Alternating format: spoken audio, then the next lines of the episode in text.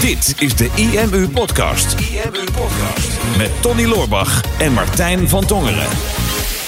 Zij zijn het liefst maximaal vier maanden per jaar in Nederland. Zij runnen een business van over de volledige wereld. En hebben eigenlijk een hekel aan het woord business coach. Krijgen er zelfs een beetje jeuk van. Zetten zich het allerliefste af tegen iedereen die schreeuwt dat je hoge prijzen moet vragen. En online funnels en heel snel, snel, snel veel geld verdienen. Zonder er ook maar een paar uur tijd in te investeren. Ik zit hier met John en Jeanette van Lifestyle of Business. John en Jeanette, superleuk dat jullie er zijn. Het is me heel raar om John en Jeanette te zeggen, want ik reed de hele tijd van links naar rechts. En Jeanette zit links en John zit rechts. Ik snap de verwarring. Maar het bekt wel. Ja, wij gaan er goed op, want Ja. eh, wij houden nogal van die patronen. En als het in één keer andersom is, dan, eh, Ja, dat kunnen we niet. dan zijn we van slag. Ja, Jullie zijn wel redelijk van het, van het vaste, hè? ja redelijk. Ja. Ik weet nog wel dat wij, eh, wij een jaar geleden was dat volgens mij, onze zomerborrel. En eh, Ja. toen hadden jullie ook afgesproken met jullie zelf van nou, hè, maximaal, hoeveel mensen? eh, Nee, minimaal. Mi- Ik had een minimum van Anne gekregen. Ik moest zes mensen Ja, aanspreken. vijf of zes, ja. Vijf of zes. Moet minimum zes mensen. Je had er twaalf. ja. Dat was meer omdat jij iedereen introduceerde. Ja, hey, dat is een net lachen. Jullie echt zo, nee, niet nog meer mensen. ja, ja. ja. Waar komt dat vandaan? Eh, nou, ik geef de voorkeur aan niet met mensen zijn. Dus dat speelt eh, erg mee. nou, ik wou dus zeggen, niet zozeer om de mensen, maar vaak ook wel om die reden. Want niet alle mensen vind ik even leuk. Mhm. Maar ehm, ja, ik vermaak me eigenlijk wel gewoon op mijn eentje en die focus houden. Nou, jij, jij hebt wel wat minder, hè? Jij bent op jezelf. Maar jij bent Ja. wel socialer. Ja, is dat zo? Ja, ik weet niet. Ja, misschien praat ik iets makkelijker als we zo zitten of zo. Maar, en meer ook misschien ook wel. Maar ik hou er ook niet echt zo heel erg van eigenlijk. Ja, Nou, het ligt wel aan welke mensen. Want kijk, het ligt wel aan welke gesprekken we natuurlijk hebben. Want heel veel gesprekken zijn gewoon echt wel leuk. Alleen echt met weinig mensen kun je, vind ik, goede gesprekken voeren. Mhm. Ja, dat is het. Even een klein, eh, klein voorbeeldje. Vorige week waren we met onze team, waren we een uitje hadden we in Delft. Ja. En allemaal superleuk. En we hadden een teampresentatie vooraf. En die had Jeanette heel goed gedaan. En dat gaat er allemaal prima. En zolang we over, over business kunnen praten, dan, dan gaat het ook mooi. Maar ja, s'avonds werd de slap gehoord. En echt over niks. Ja, en dan, dan merk je gewoon direct het verschil. Dat wij dan daar Ja, snel... ik ging naar bed. Dan haken wij snel af eigenlijk. En niet dat we niet slap willen ouwehoeren of zo. Maar dan, ik weet niet. Ja, nee. Het is gewoon als het meer diepgang heeft, dat hebben we liever. Ja, dus jullie doen gewoon eigenlijk niet aan slap ouwe hoeren. Nee. En dan is een borrel inderdaad Nou, jij, nou, in de auto net. Ja, Als dat gefilmd werd, dan zouden mensen zeggen, nou, ja soms, soms val ik uit mijn rol. Ja. Ja. Maar toch, hè, jullie, krijgen, jullie krijgen jeuk van het woord business coach, wat ik net al zei. Maar als ik jullie een, een label zou kunnen geven, dan zou het wel business coach zijn. Maar ten op, het grootste verschil volgens mij hè, tussen wat jullie doen en wat je steeds meer op ziet poppen. En wij krijgen zelf ook steeds meer een allergie voor de business coaches van business coaches die ooit business coaching van een andere business coach hebben geleerd. En andere business coaches leren hoe ze business coach kunnen worden. Ja, met daar- een online programma. met een online programma zonder daar meer dan twee uur per week in te stoppen. Ja. Ja. Ja.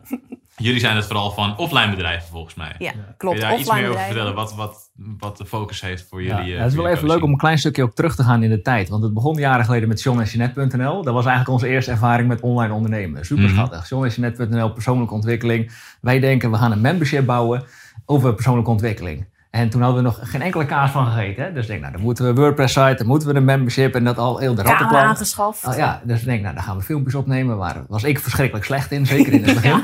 En, eh, ik dacht wel dat ik, ik heb wel vrij veel zelfvertrouwen altijd. Dus ik denk, nou, dat kan echt niet moeilijk zijn. Nee, je zet een camera, nee, je gaat daarvoor staan en je doet je ding. Ja. Nou, dat was echt verschrikkelijk. Als we nu die filmpjes nog terugkijken, tranen trekken. Maar in ieder geval, eh, ik heb veel geoefend en het is een heel stuk beter geworden, gelukkig. En John en Jeanette, dat ontwikkelde door naar um, Kikkersleven was dat, hè? Kikkersleven.nl. En Ja, dat was omdat we toen de overschakeling maakten naar meer reizen. ja, ja, precies. En daarom gingen wij als En wel... van voor- waar de naam? Kick-ass leven? Ah, we hadden een leven. Dus dat gunden we iedereen. Dus wij Mhm. denken, dan heet het kickers leven. Ja, dat was echt. Wij, wij voelden ons digitale nomade op dat moment. Die gewoon lekker over de wereld aan het reizen waren en online aan het geld verdienen. Mhm. En ik denk, nou, dan, dat is gewoon kikkersleven. En waar verdienen jullie toen je geld mee? Nou, daar, daar, daar daar kom ik nu op. Dat was eigenlijk een beetje waar we nu een hekel aan hebben. Want toen waren we dus digitale nomaden. We deden online ondernemen. Dus we Maar gingen, ook bikini fitness hadden we ook nog, hè? ja, we hebben daar, hadden daar wel een bedrijf naast, inderdaad. Alleen voor- het verhaal.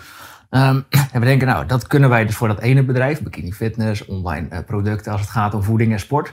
Nou, en dan kregen we steeds meer vragen van mensen. Hey, kunnen jullie eh, ons daar ook bij helpen? Wij willen ook graag reizen. Wij willen ook dat leven wat jullie hebben. Mhm. En we willen ook dat met een online business. Nou, dat is goed. Dus wij gingen daar steeds meer mee helpen. Dus eigenlijk waren wij gewoon puur online ondernemers aan het helpen. Ja. Ehm, De, echt wel de beginners ook. vooral de beginners. En eigenlijk waar we nu dus ons tegen afzetten. Ja. Alleen er kwamen in die, want dan hebben we het over een jaar of drie geleden. Mhm. En Ehm, toen was het nog niet zo in opkomst als dat het nu is. Nu is het veel meer. Nu, nu lijkt iedereen tegenwoordig een online programma te hebben en de wereld over te reizen. Ja, toen was digitale nomade ook nog niet zo hip. Nee, zeker niet zo hip. Daar hebben we toen specifiek op, op gericht. Want we zagen wel gebeuren dat dit heel groot zou gaan worden. Het reizen, het reizen en ondernemen samen combineren. Ja. We vonden er geen reet aan. Nee, en, en denk, ja, dat, dat is het niet. En we hadden ook, wij laten ons ook altijd coachen. We hebben zelf ook altijd gewoon business coaches, eh, coaches op op, op persoonlijk leiderschap, één op één. Ja. En eigenlijk kwamen we steeds weer, ja, wat onderscheidt ons nou echt? Mhm. En dat was het constant weer opnieuw. Wat on- ons onderscheidt ons nou? En er was eigenlijk niks. Ja, het reizen. Ja, maar dat was natuurlijk niet echt. Het locatie onafhankelijk ondernemen met een hoge levensstandaard. Dat dachten we eerst heel lang dat dat Ja. ons onderscheidend vermogen was. Mhm. Nou, daar hebben we ook best wel aan vastgehouden, want dat, dat klopte niet meer. Het, het werkte ook niet lekker voor onszelf. Alleen we bleven eraan vasthouden omdat we eigenlijk gekozen hadden dat is wat ons anders maakt. Ja. En dat reizen, dat was best wel een, een wens van heel veel mensen. Alleen het matchte niet met ons. Ja. En wa- wanneer, waardoor voelde je dat het dan niet matchte? Want hè, je hebt het gekozen en je wil natuurlijk achter je keuze staan. Ja. Dat, zo zijn Ja. wij als mensen nou eenmaal. Ja, ja, En wanneer, wanneer begon dat dan, dan te wringen? Wanneer begon je het idee te krijgen van, oh, ik, ik wil, het past eigenlijk niet of dit voelt niet goed? Eigenlijk door de type klanten, denk Ja. ik. Het werd steeds meer geneuzel. Het was altijd weer hetzelfde. Constant weer opnieuw de mensen helpen met de Facebook-advertenties, met de websites, met de funnels. En er is allemaal niks mis mee. Alleen het was... Nou ja, dat, maar ook de combi van eh, best wel lui, de meeste mensen. Echt niet bereid het werk erin te steken. Dus hoe, hoe kan ik dit doen dat ik maar twee of vier uur per dag hoef te werken... Mhm. en dat ik wel het leven heb zoals jullie? Want zij wil dan, wij, wij reizen graag business class, doen in villa's... maar we werken niet maar twee uur per dag. Dus tenminste, ondertussen kan ik dat. Alleen dat was toen echt niet zo. Mhm. En, eh, en ik denk dat dat ook ging irriteren. Dat er zoveel mensen kwamen met hoe kan ik zo weinig mogelijk doen. Eigenlijk ook zo weinig mogelijk verschil maken in deze wereld. Want dat is wel waar het over hebt. Zodat ik zelf met mijn reet op het strand kan liggen. Ja. En dat het geld binnenstroomt. Nou, dat gaat niet gebeuren. Echt niet. Nee, en dus wij wilden ons wat op de serieuzere ondernemers gaan richten. Mhm. En we merkten, omdat steeds meer mensen zich zo gingen performen, Mm. gewoon lekker reizend over de wereld, vanuit een hangmat werken, ehm, we werden een beetje over één kam geschoren. Mensen die ons dan niet kennen en die ons alleen maar op de voorkant zien, kregen we Facebook comments en zo, die dan eh, makkelijk praten, maar ook in prospectgesprekken. ja. De mensen, ik moest echt lullen als brugman om uiteindelijk een klant te krijgen. Ehm, want die dacht aan, ja, jullie hebben heel makkelijk praten. Je hebt niet met je poten in de klei gestaan, ze wisten niks van ons. Hè? Mm. En jij zit dan lekker aan je zwembad nu met mij te bellen en dat is makkelijk praten. Nou ja. En, ja. en, en aan het eind van, die, van dat gesprek is die kerel wel klant geworden. Ehm, Ja, ze dachten uiteindelijk ook allemaal dat Ja. wij echt oprecht niet werkten. Ja, echt zo, ja. Dus dan heb je bepaalde skills voor nodig. Dat, dat maakt voor nu niet uit. Maar ja, ik denk, ja, dat is niet goed, man. Mensen gaan ons steeds meer zo zien. Die gaan ons vergelijken met die mensen waar we niet vergeleken mee willen worden. Ja, we begonnen Ja. eigenlijk altijd op min 10. En je moest eerst naar Ja. nul lullen voordat je weer überhaupt eh, punten kon scoren. ja. Want hoe En- kwam je toen dan aan je klanten? Dus voornamelijk door gewoon salesgesprekken te voeren? Ja, de, de leads verzamelden via Facebook ads. Ja, zeker. Ja. We doen eigenlijk al jaren eh, het, hetzelfde principe. Gewoon van de gratis weggever. eh, dat voor adverteren mensen op de lijst krijgen. En dat zijn we steeds door gaan ontwikkelen. Mm. En, en inmiddels...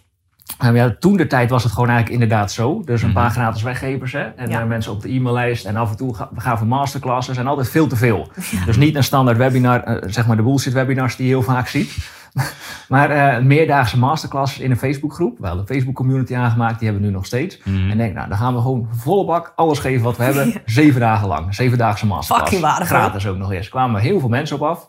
En het was aan het eind, de feedback was altijd, het was heel waardevol. Het was zoveel. Ik ga eerst de komende maanden zelf aan de slag. Ja, ja, ja, Dat is echt een ja. probleem. Heel herkenbaar.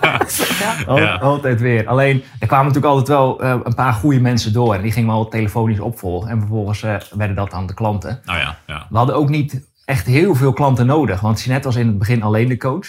Ik Mhm. kwam er daarna bij. En inmiddels hebben we nog twee coaches in het team.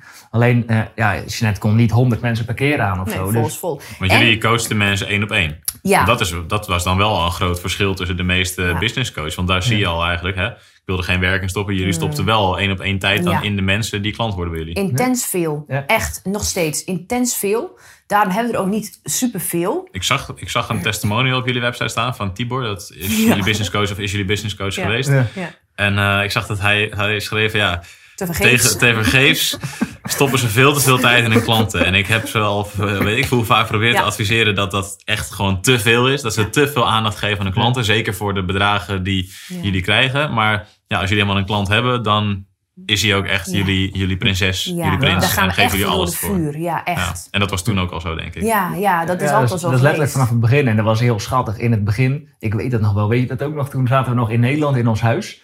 En toen hadden we onze eerste paar klanten, deden wij samen. Ja, god. deden wij ja, samen, je super ja. schattig. Ja, gewoon, toen was ik eh, één keer ziek, toen was je super zenuwachtig. ja, toen, ja, dat is echt zo. Want Jeanette die deed al heel lang coaching vanuit de diëtistenwereld ook. Dus die Ja. was er al comfortabel mee. Mm. Alleen het stukje ook business coaching, persoonlijk leiderschap coaching, dat was nog wat nieuwer. Dus dat deden we in het begin samen voor, ah, voor een soort van gratis. Als je Ja, terugrekent is was het dat? misschien... 200 euro per maand of zo? Ja, als je 200, weet ik terugrekent is denk ik 3 euro per uur of zo. We moeten allemaal ergens beginnen. Precies. maar dat maakt niet uit. Had je Alleen- ook voor kunnen vakken vullen. Ik bedoel, als het Ja, dat leuk is- dat is zo. Maar we hadden wel al een visie voor ogen van als we dit Ja. gewoon maar lang genoeg blijven doen, dan kunnen we op een gegeven moment ook Nou, normale bedragen. Maar, maar ik denk dat dat wel het verschil is. Want wij waren wel bereid dat te doen. En ik Ja. denk dat heel veel dat tegenwoordig niet meer bereid zijn. Want je wordt om de oren gegooid met vraag hoge prijzen, doe high-end Mhm. prijzen, weet ik veel wat er allemaal gezegd wordt. Maar als je nog niet goed genoeg bent om die prijzen te vragen, in godsnaam, waarom wil je ze dan vragen? Want dat, dat ben je Ja. niet waard. Ja. Ja. Dat is, en Ja, dat waren wij toen ook niet meer dat, dat is echt zo. Ja, we waren eigenlijk wel al meer waard, maar we begonnen gewoon ergens. En we deden gewoon, we hebben altijd, we willen zoveel klanten hebben begeleid. En dan gaan we weer door in de, vol, in de, prij- in de prijs. Oké, ja. Nou ja, en, en maar ook daar nog op inhaakt, want, want dat is ook in deze wereld ondertussen zo. Hè? Je, je bent waard wat je zelf waard vindt. Nou, dat is niet waar. Want als je gewoon niet goed bent in je klanten begeleiden en je hebt geen business Nee. gehad zelf en je weet niet hoe het werkt, dan ben je niet veel waard. Ja. En dan kun je wel vinden dat je veel waard bent en een high-end programma maken, maar je bent het niet waard. Je Ja. naait mensen. Nou, irriteert mij. Ja, dat merk ik. Ja, ik, ik, ik, voel het, ik voel het inderdaad ook. Wanneer ehm, voelde het voor jullie goed om bijvoorbeeld aan je prijs te gaan verhogen? Ik denk dat het wel interessant is, want prijs is... Ik denk dat jullie dat ook veel krijgen wel als vraag. Veel van onze klanten vragen ook, ja, hoe moet ik mezelf nou prijzen? Hoe moet ik mijn product nou prijzen? Op welk moment kies je om je prijs te verhogen? Want wij geven inderdaad ook vaak aan, nee, je moet gewoon een prijspunt kiezen waar je op dit moment comfortabel mee voelt. Wat past bij je product, wat past bij je klant. En dan kijken hoe dat vervolgens werkt. En als het Ja. niet werkt, nou, dan moet je iets gaan aanpassen. Werkt het wel heel goed? Nou, super. Maar ja, op een gegeven moment wil je dus inderdaad je prijzen gaan verhogen. Omdat het misschien wel te goed loopt. Ja. Dus wanneer was dat bij jullie eh, het moment? Nou, het gaat bij mij, eh, dan verzin ik soms in een gesprek. Ja, ik denk, ja, nu ben ik wel meer waard, doe ik de prijs omhoog. En dan doe ik dat dus ook. Dat is echt, daar zit niet per se een logische nee, maar ik idee weet achter. een paar jaar geleden in Bali, toen hadden we gewoon een, een nou, bepaalde gewoon prijs. vijf of zo. En, en toen had je, weet ik het hoeveel gesprekken staan. En dat was best wel lullig. Dat is Ja. wel een mooi verhaal trouwens. Best wel lullig voor die persoon eigenlijk. Mhm. Want wij hadden dan, oké, we hadden zoveel klanten gehad in een bepaalde prijsrange. Ja, en toen mocht de prijs weer omhoog. Dus we hadden gezegd, Van, oh, oké, jullie hebben dus tegen jullie zelf gezegd, als we zoveel klanten ja, hebben gehad vijf of zo voor dit bedrag, dan gaan we daarna weer een stap omhoog Ja. in prijs. En dan gaan we kijken of we weer dat aantal klanten Ja, kunnen want krijgen. het ging best wel makkelijk altijd Ja. om dingen te verkopen. En het, het waren al niet super lage prijzen. Toen was het prijs. Wat voor 5000. prijs hebben we dan? Ja. 5000 voor een half jaar was het geloof ik toen. ja, toen was het inderdaad nog maar 5000. Ja. Maar toen had je nog wel ons twee ook nog, hè?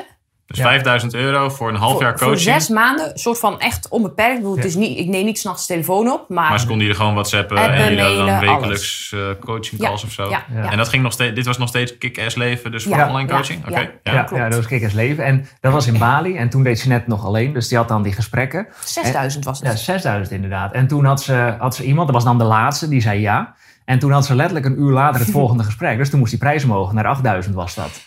En, eh, maar dat was bleek later, bleek dat een vriendin te zijn van Ja diegene dat, die... ja, ja, maar dat was een doorwijzing. Ik vond het heel oncomfortabel. Ik denk, ja, Ja. maar ik heb wel met mezelf overlegd dat ik dat ga doen. Ik, Ja, maar Mhm. dadelijk gaan ze praten. Dus ik heb ook gewoon gezegd, ja, ja je hebt eigenlijk net pech. Want de prijs is eh, omhoog gegaan sinds net. Sinds een uur geleden. Ja. ja. En, maar ik zat ook gewoon praktisch vol. Ik, ik kan natuurlijk altijd wel meer ruimte maken, maar ik ben daar gewoon niet altijd toe bereid. Mhm. En ehm, dus toen was het ook gewoon, het was graag of niet. En, Ja. en dus ook daarin kijken we wel altijd hoeveel En is zij ruimte er. ingestapt Ja. na dat eerlijke verhaal? Ja, ja, ja. Ja, dat, vind, dat vind ik wel tof. Ja. Weet je, als je weet dat je vriendin net het, eigenlijk hetzelfde programma ja. voor 2000 euro eh, minder heeft Ja. verkocht. Ja, en, en zeg maar, ik, ik wil dit. Ik, zeg, ik weet dat dit gewoon is wat ik nodig heb. Nou, top. Ja. En ehm, nou, dat is zo verhoogd. Dus is- nu is het niet meer zo, na vijf mensen of zoiets doe ik het omhoog. Nee. Mm. Nu, eh, nu gaat het Voor onze coaches wel, hè? Voor onze coaches. Ja, eh, die moeten gewoon op een bepaald punt staan. Maar daar zijn we ook heel kritisch in. Want ook zij, als zij, zij moeten op en ehm, eh, kennisniveau op een bepaald punt staan en altijd doorgroeien. Mhm. Maar ook als coach, maar ook als mens. ja. En dat is natuurlijk een hele vervelende combi. Want ik, ik check jou of jij op die drie vlakken goed bent. En als jij op je persoonlijk vlak niet genoeg ontwikkelt en niet genoeg toepast wat wij jou leren. Ja, dan gaat eerst jouw prijs niet omhoog en zij krijgt percentages. Oh ja. Dus ze worden in die zin ook gedwongen om zelf constant te groeien. En ja, dat maakt hen ook weer steeds waardevoller. Dus daar kijken we wel naar inderdaad. ja. Oké. En als je dan gaat kijken naar, naar je- dat was het kick-ass leven stukje. En je maakt nu al een sprongje naar de coaches die je nu hebt. Ja. Ik ben nog steeds wel benieuwd van wat is het omslagpunt geweest? Ja. Dat je Ja. stopte met het coachen van mensen met een online business. Naar eh, de serieuze ondernemer. Naar niet meer de beginner, maar de mensen die nu eigenlijk al ergens staan. Want dat is volgens mij Ja. nu wel een van de vereisten hè, van jullie. Als je starter bent, kom je eigenlijk niet in aanmerking Nee, voor jullie, voor jullie coachingsprogramma's. Nee. Maar eigenlijk moet je wel een bestaande business hebben. Ja. Ja, Dus wanneer, kwam echt dat omslagpunt? Van, ja, je gaf net wel Het, het aan. grootste van- omslagpunt was, het was- denk ik vorig jaar zomer. ja, in, in mei 2018, hè, toen we in eh, een retreat waren bij Tibor in Ja. Sitges. Toen ontstond Lifestyle Business als merk. Ja. Toen, we wisten wel, er moest wat verandering gaan komen, want kikkersleven paste niet meer. Mhm. Dat Ja, paste het niet met ons. waren gewoon Ja. ontgroeid eigenlijk. ja, en trok het verkeerde mensen. We hadden een poll gedaan of een, eh, hoe heet zo'n ding, formulier. Ja, een survey, ja. Bij eh, mensen, kikkersleven of lifestyle of business. Nou, Ja. en alle mensen die wij eigenlijk niet per se meer als klant wilden hebben, dat type zeg maar, zei kikkersleven, vind ik een mooie naam. Ja. En de mensen die wij wel wilden, die zeiden laten we lifestyle of business doen, vind ik een goede naam. Ja, want Cool. ook nog even voor het verhaal. Want we hadden dus niet alleen maar één op één coaching. We hadden ook onze Kickers Leven Universiteit. Ja, En dat was een membership.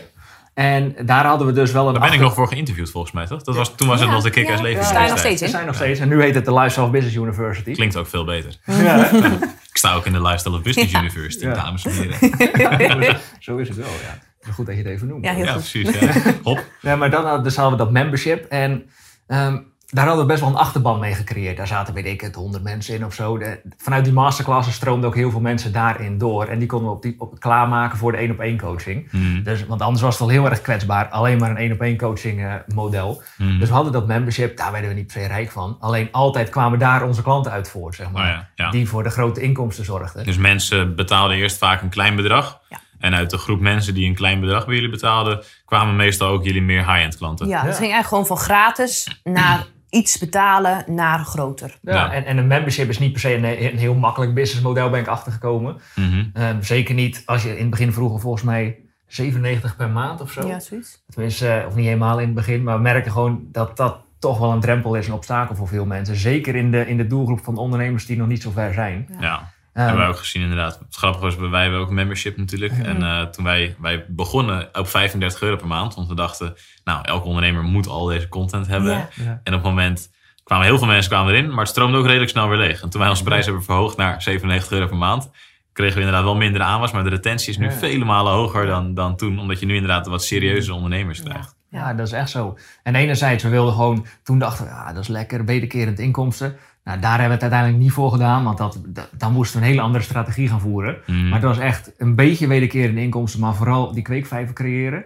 En die mensen, eh, die volgden ons heel erg. Dus die konden we die survey sturen van, hey, we zitten eraan te denken om om te gaan naar een andere bedrijfsnaam, Lifestyle Mhm. of Business, Ja, versus Kikkers Leven. En eh, wil je even je mening geven, wil je met ons meedenken? En toen was denk ik de helft die zei, ja, je moet echt Kikkers Leven blijven. Maar dat waren de ondernemers die wat minder ver zijn. Die verandering gewoon, ja, mensen Ja. vinden sowieso verandering vaak verschrikkelijk. klopt. Maar, ja. zeker, maar zeker die mensen. En je ziet ook, wij, wij hebben het al doorgevoerd. Wij zijn Lifestyle of Business geworden. En al, echt letterlijk al die mensen zijn afgehaakt. Ja, ja, allemaal. Ja, dus dat is wel, Grappig mooi, is dat is wel dat. mooi om te zien. Alleen, ehm, om weer terug te komen op het verhaal. We gaan een beetje van de hak op de tak altijd. Ah, is niet erg. Maar ehm, toen zaten we dus in die, in die retreat in, eh, in Barcelona. Met Ja. allemaal echt wel serieuze ondernemers. Goeie groep. En die vonden Lifestyle of Business allemaal geweldig. Die hadden allemaal niks met kikkers leven. Nou, en dat was eigenlijk precies onze doelgroep. Ja, dus dat, dat was, meer je peergroep is dan. ja, dus dat was al veel meer. Dat was eigenlijk de bevestiging, hier moeten we op doorgaan. En wat wij steeds meer zagen gebeuren, want wij richten ons nu vooral op offline ondernemers, vooral de vakmannen. Denk aan de kappers, de pedicures, de schoonheidsspecialisten, Managers. de managers. Die, die zijn niet echt gebaat bij al die bullshit webinars van hey, leer nu een online programma maken. Of kijk mijn webinar, dan leer je een online programma maken. Koop mijn programma nu voor eh 10.000 euro en, en je loopt binnen. Ja. Ja, dat Dan is een ik beetje Jullie hadden een paar echt fantastische voorbeelden ook op jullie website staan.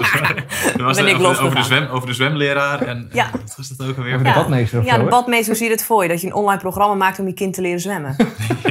Of dat je, dat je als bakker een programma maakt om, om zelf koekjes te leren bakken, terwijl je het gewoon wilt verkopen. Maar dat is wel hoe er gesproken wordt. Ja. Leer een online programma maken. Ja, is gewoon, dit is gewoon echt niet relevant voor de meeste offline bedrijven. Nee, en dat betekent niet, want Nee. dat denken mensen vaak, dat we er compleet tegen afzetten Nee, of zo. nee. Want Mhm. dat is niet zo. Want Het is heel soms- werkbaar. Soms kan het het juist heel erg versterken. Die bakker die juist ook kennis gaat delen. Ja. Om Ja. vervolgens op die manier meer aanwas te krijgen. En eh, natuurlijk, en de kapper die dat gaat doen. En ik, toevallig heb ik ook een kapper als één op één klant. En daar spreek ik ook echt met hem over. Eerst zorgen dat hij gewoon zijn bedrijf heeft staan. Dat hij Mhm. protocol heeft lopen. Ook, en dat zijn personeel, dat dat gewoon allemaal werkt. Ja. En daarnaast ga gewoon je kennis delen om te zorgen dat je gewoon ehm, nieuwe leads gaat verzamelen, nieuwe aanwas, dat je gewoon mensen verder gaat helpen. Dus het werkt wel. Ja. Alleen je wilt altijd wel eerst kijken. Eerst moet de zooi op orde ja, zijn. ja, eerst moet die basis staan. En Ja. wij kwamen er dus steeds meer achter dat daar heel veel ondernemers die zijn daar wel bij gebaat. Mhm. Alleen daar is niet echt iets voor. Want ja, steeds meer mensen gaan andere mensen helpen online ondernemen. Ja, Ik klopt. denk, ik denk ja, dat, dat is het gewoon niet. Wij willen gewoon echt die vakmensen helpen. Vandaar ook Lifestyle of Business van vakman naar leider in je bedrijf. Om gewoon echt die offline ondernemer, die vooral een ambacht heeft, Ja. de leider te maken van zijn bedrijf. En dan kan die deels het ambacht blijven uitvoeren. Maar dat Als hij helemaal- dat wil. Als hij dat wil, maar dat hoeft helemaal niet per se. En van daaruit kunnen we wel eens verder gaan kijken wat er nog meer mogelijk is. Ja. Cool. Dus dat is, dat is echt de shift geweest. En nu Ja. helpen jullie dus eigenlijk alleen maar mensen die al een business hebben. En jullie, wat je net zegt, helpen jullie de mensen om de zooi op te ruimen. Ja, dus je gaat wel. kijken naar de interne processen. Ja. Stuur op cijfers is dan denk ik een onderdeel Heel wat veel ondernemers moeilijk vinden. We, maar we hebben eigenlijk doen. verschillende categorieën. We hebben de co-coaches die doen de coaching binnen MBA op slippers. En dat zijn eigenlijk de Ja, daar wil vakmannen. ik ook nog wat over vragen. Oh, ja. Al die programma's, daar staat op slippers achter. Ja. Het eerste wat jij deed toen je binnenkwam was, eh, was je schoenen uit. denk, heeft dat ook iets met elkaar te maken? Wa- Waar komt het op slippers vandaan? Nou, nou, dat is wel grappig. Wij, wij houden heel erg van dat vakantiegevoel. Mhm. En dat vinden we lekker. En nou ja, het eerste wat wij combineren op vakanties vaak op slippers. Nou, ik op blote voeten lopen. Maar slippers, dat hangt vaak samen met vakantiegevoel. Mhm. En ehm, we hebben als logo hebben stropdas en slipper. De stropdas is echt van het harde werken, van business. En slipper om wel die ontspanning te houden. Want heel veel ondernemers die gaan zeg maar, tot hun 60 of 70ste echt keihard beuken. Mhm. Dus zeg maar de stropdas. Ja. Maar vergeten ondertussen echt gewoon oprecht te ontspannen en te genieten van wat ze doen. En wij willen dat ze dat kunnen combineren. Dat je nu en keihard beukt en tegelijkertijd al dat relaxte gevoel hebt. En wij hebben nu ook een tegenstrijdigheid, dat is relaxed vlammen. Mhm. Dus enerzijds gewoon Nice. volle bak aan de, aan de slag gaan. En tussendoor al overdag, aan mijn part ga je midden overdag naar de sauna. Of ga je even wandelen met je hond. Of ga je met je kinderen een, een blokkenspelletje doen. Mhm. En dat je gewoon nu al geniet van die vrijheid die je hebt.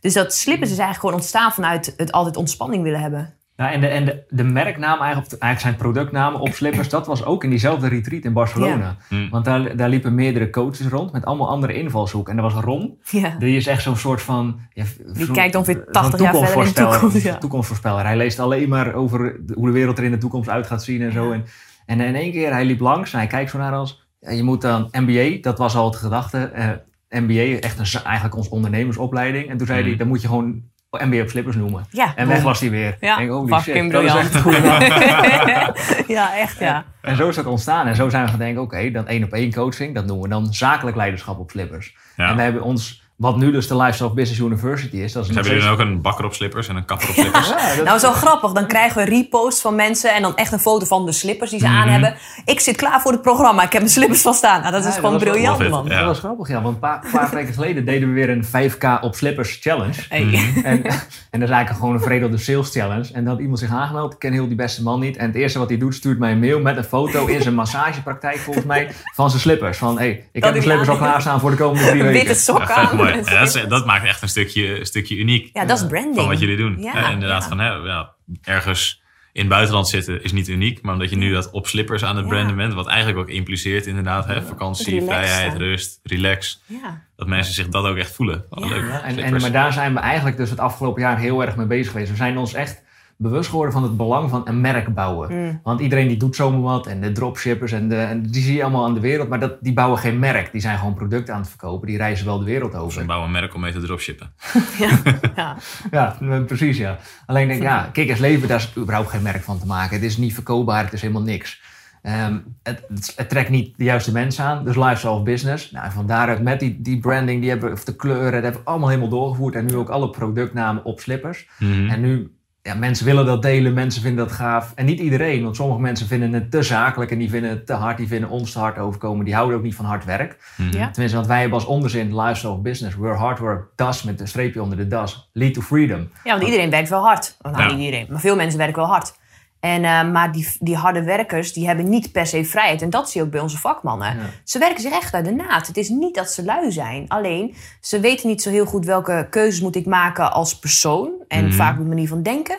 Wat moet ik doen om mijn bedrijf meer zelf te laten draaien? Welke protocollen, welke systemen, welke mensen heb ik nodig? Ze hebben vaak ook wel beperkingen. hè. Ik ben zelf de beste, dus ik kan niet Piet aannemen die voor mij een deel van het werk over gaat nemen. Mhm. En daarnaast ook kijken in de toekomst. En dat combineren met hard werken maakt dat je harde werk gaat zorgen dat je over nou ja, x aantal maanden of, of jaren, afhankelijk van hoe hard je werkt, ehm, wel die vrijheid meer gaat ervaren. Wat is het grote verschil voor jullie, voornamelijk voor, tussen mensen, ondernemers die hard werken en ondernemers die hard werken en toch relaxed zijn? Waar zit het grootste verschil in? Ja, in de kop. Ja.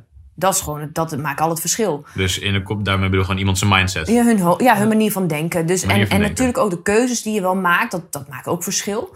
Maar ehm, je ontspannen voelen is een keus. En dat klinkt altijd heel erg simpel voor iemand die zich ontspannen voelt door je makkelijk praten. Mhm. Maar het is een keus om gestrest door het leven te gaan en alles of net te strak te plannen, dat het niet lukt. Of altijd te denken, oh ik heb het zo druk, ik heb zoveel veel haast, ik moet zoveel doen. Misschien is het wel zo, alleen op dit moment ben je bezig met één taak. Dus ook al heb je nog 30 verschillende dingen die je vandaag moet doen, je kiest ervoor om die druk te ervaren van alles wat er Mhm. ligt. En dat is wat we ook, wat onze coaches ook doen en wat wij ook doen met onze klanten, is zorgen altijd dat zij vanuit hun hoofd een bepaalde manier van denken ervaren of, of gaan aanleren. Mhm. Zodat zij dat ontspannen gedeelte al kunnen gaan voelen.